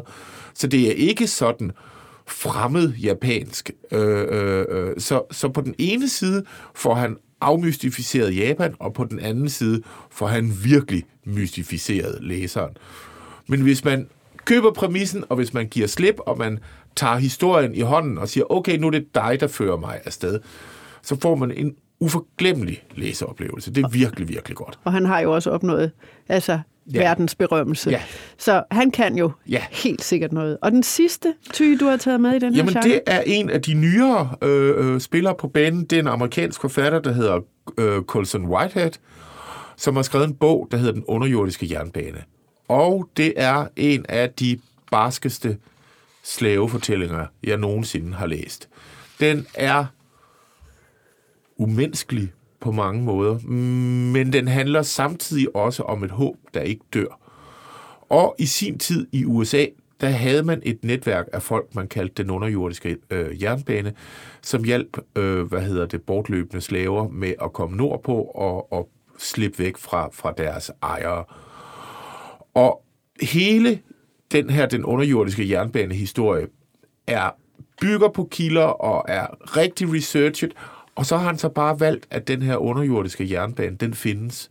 Så det er en fysisk jernbane. Du kravler ned under jorden, venter på et tog, der så kommer kørende gennem nogle tunneler. Og det lille greb gør, at, at det giver bare en ekstra nuance til den her ellers barske og, og, og brutale fortælling. Og det er så islettet af magisk realisme, Det, der det er manifesterer magisk sig realisme. i, det i er, den togstation. At, at, at han simpelthen tillader sig at bygge den her jernbane ned under jorden, fordi det er hans historie, og fordi han kan, og fordi han tør. Så, øh, men øh, det, det er som, altså, det, er jo, det er jo en af de historier, der bliver siddende i en bagefter. Og jeg tror endda, at måske der er nogen, der ikke opdager det magisk realisme. Hvis man nu tænker, det kan da godt være, at de havde bygget et, en tunnel under jorden. Så det, det, det er det magiske spiller en, en lille rolle, men det er stadigvæk med til at give en rigtig god krydderi på fortællingen. Og tak for, øh, for den genre der, Ty. Og så er der jo en ekstra bonus i dag, nemlig den bog, som gør dig lykkelig for tiden. Og Ja. hvad er det? Du har fået lov til at vælge fra alle verdens hylder, alle genrer. Ja, jeg Den, der fylder for har dig. valgt en feel-good-bog. Og for en gang skyld er det ikke en dame, der leder efter en mand. Det er en mand, der leder efter en dame. Hvis der er nogen, der måske kender den komedieserie, der kører i fjernsyn, der hedder Big Bang Theory, så kan I forestille jer, at det er Sheldon derfra, ham over kemikernørden, der ligesom skal finde en kæreste. Fordi hovedpersonen i den her bog, han hedder Don Tillman, og øh, han er professor i genetik. Han har en ugeplan for, hvordan han laver mad. Han har en journal, hvor han kan følge med i, i alt, hvad han laver, og han er nok en lille smule autist. Og han finder ud af på et tidspunkt, det vil være praktisk for hans liv, hvis han fik en kæreste. Så han stiller jo en lang liste op om, altså han laver det her projekt, kæreste, og så, altså hans kæreste må ikke drikke alkohol, hans kæreste skal gå i det her tøj, hans kæreste skal være så og så meget uddannet, og selvfølgelig møder han så Rosie, som ikke lever op til noget af det. Og så kan man jo godt begynde at gætte, hvor det bærer hen af. Ej, det er bare et godt sted hen, ikke Ja, også? den er sjov, og den er pinlig, og den er hjertevarm, og øh, det er en, en virkelig god feel-good historie med masser af humor. En af de sjoveste af slagsen, jeg nogensinde har læst. Og vil du så ikke også afsløre, hvad er titlen, og hvem har skrevet den? Nå, har jeg glemt titlen? Ja. Den hedder Projekt Rosie, og øhm, det er en australsk øh, debutant, der hedder Green Simpson, der har skrevet den. Og det slipper hun godt afsted med, og der er faktisk en tor. Den er I nødt til at lytte til på engelsk. Den er ikke oversat endnu. Men det kommer. Det kommer helt sikkert. Og jeg skal sige som altid, at alle de bøger, Ty, du anbefaler her, de øh, bliver jo lagt særskilt ud i appen, så de er nemme at finde. Helt sikkert. Så man behøver ikke at sidde med papir og blyant. Nej. Det var en stor fornøjelse, Ty. Tusind tak skal du have. Vi to, vi ses jo igen om 14 dage, og det gør vi, hvor der er mere mellem ørerne på genhør.